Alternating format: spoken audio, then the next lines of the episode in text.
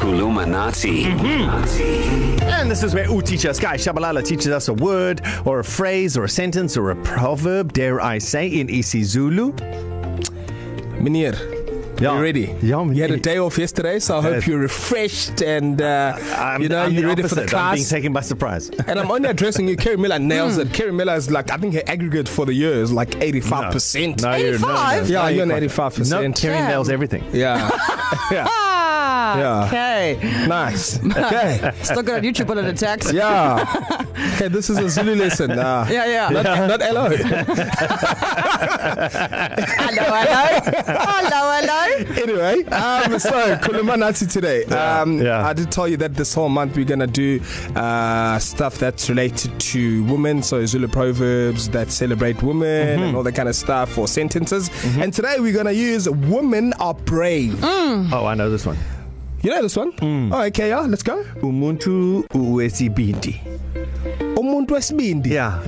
Umuntu wesibindi. I've, n- I've never seen a person of the liver, mate. Oh. Yeah. Okay. So. Well, he was was that- kind of close. yeah, though. you're close. Am I in the ballpark? No, mate. You, you like, you like. Uh-huh. Yes, You hit did the some crossbar, homework, but did it's some homework it's, it's during- out for a goal kick. you know? So women are brave. Abantu besifazane. I think we must always know that because it's women are everything is women women. Okay. So Okay. about women are abantu besifazane.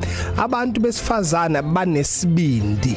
So Darren got that main part right. The sibindi and the, that's it. Okay. Yeah. So abantu besifazane benesibindi. So Abantu bes uh, uh, besifazane. yes, Besifazane banesibindi. banesibindi. Easy. Kermina?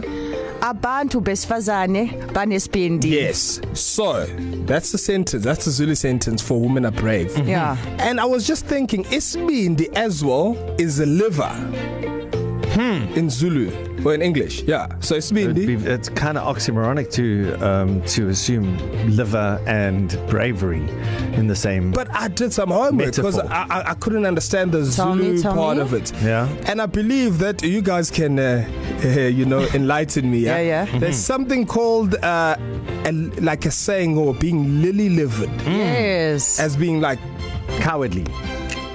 cowardly. Uh, well, I'm going to read something here. So it says, uh, uh, lily liver is one colored as the flower white instead of a deep red brown, and hence bloodless and so associated with cowardly person. Wow. So Yeah. there's a reference, apparently Shakespeare, Macbeth, oh, prick my face and over my tear, thou lily livered boy.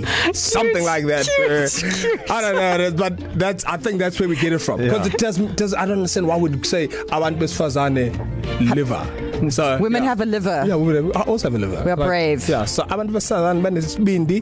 Isibindi means being brave in Zulu. Mm-hmm. Wow. Nice. There you go. Well, thank you, Utisha Sky Shabalala, and for weeks and weeks and months worth of educational and fun Kulubanati. The podcasts are uh, on uh, on ecr.co.za. You just search for Darren, Kerry, and Sky, or wherever you enjoy your favorite podcasts. You just search Darren, Kerry, and Sky. Wake, wake up with Darren, Kerry, and Sky. East Coast Radio.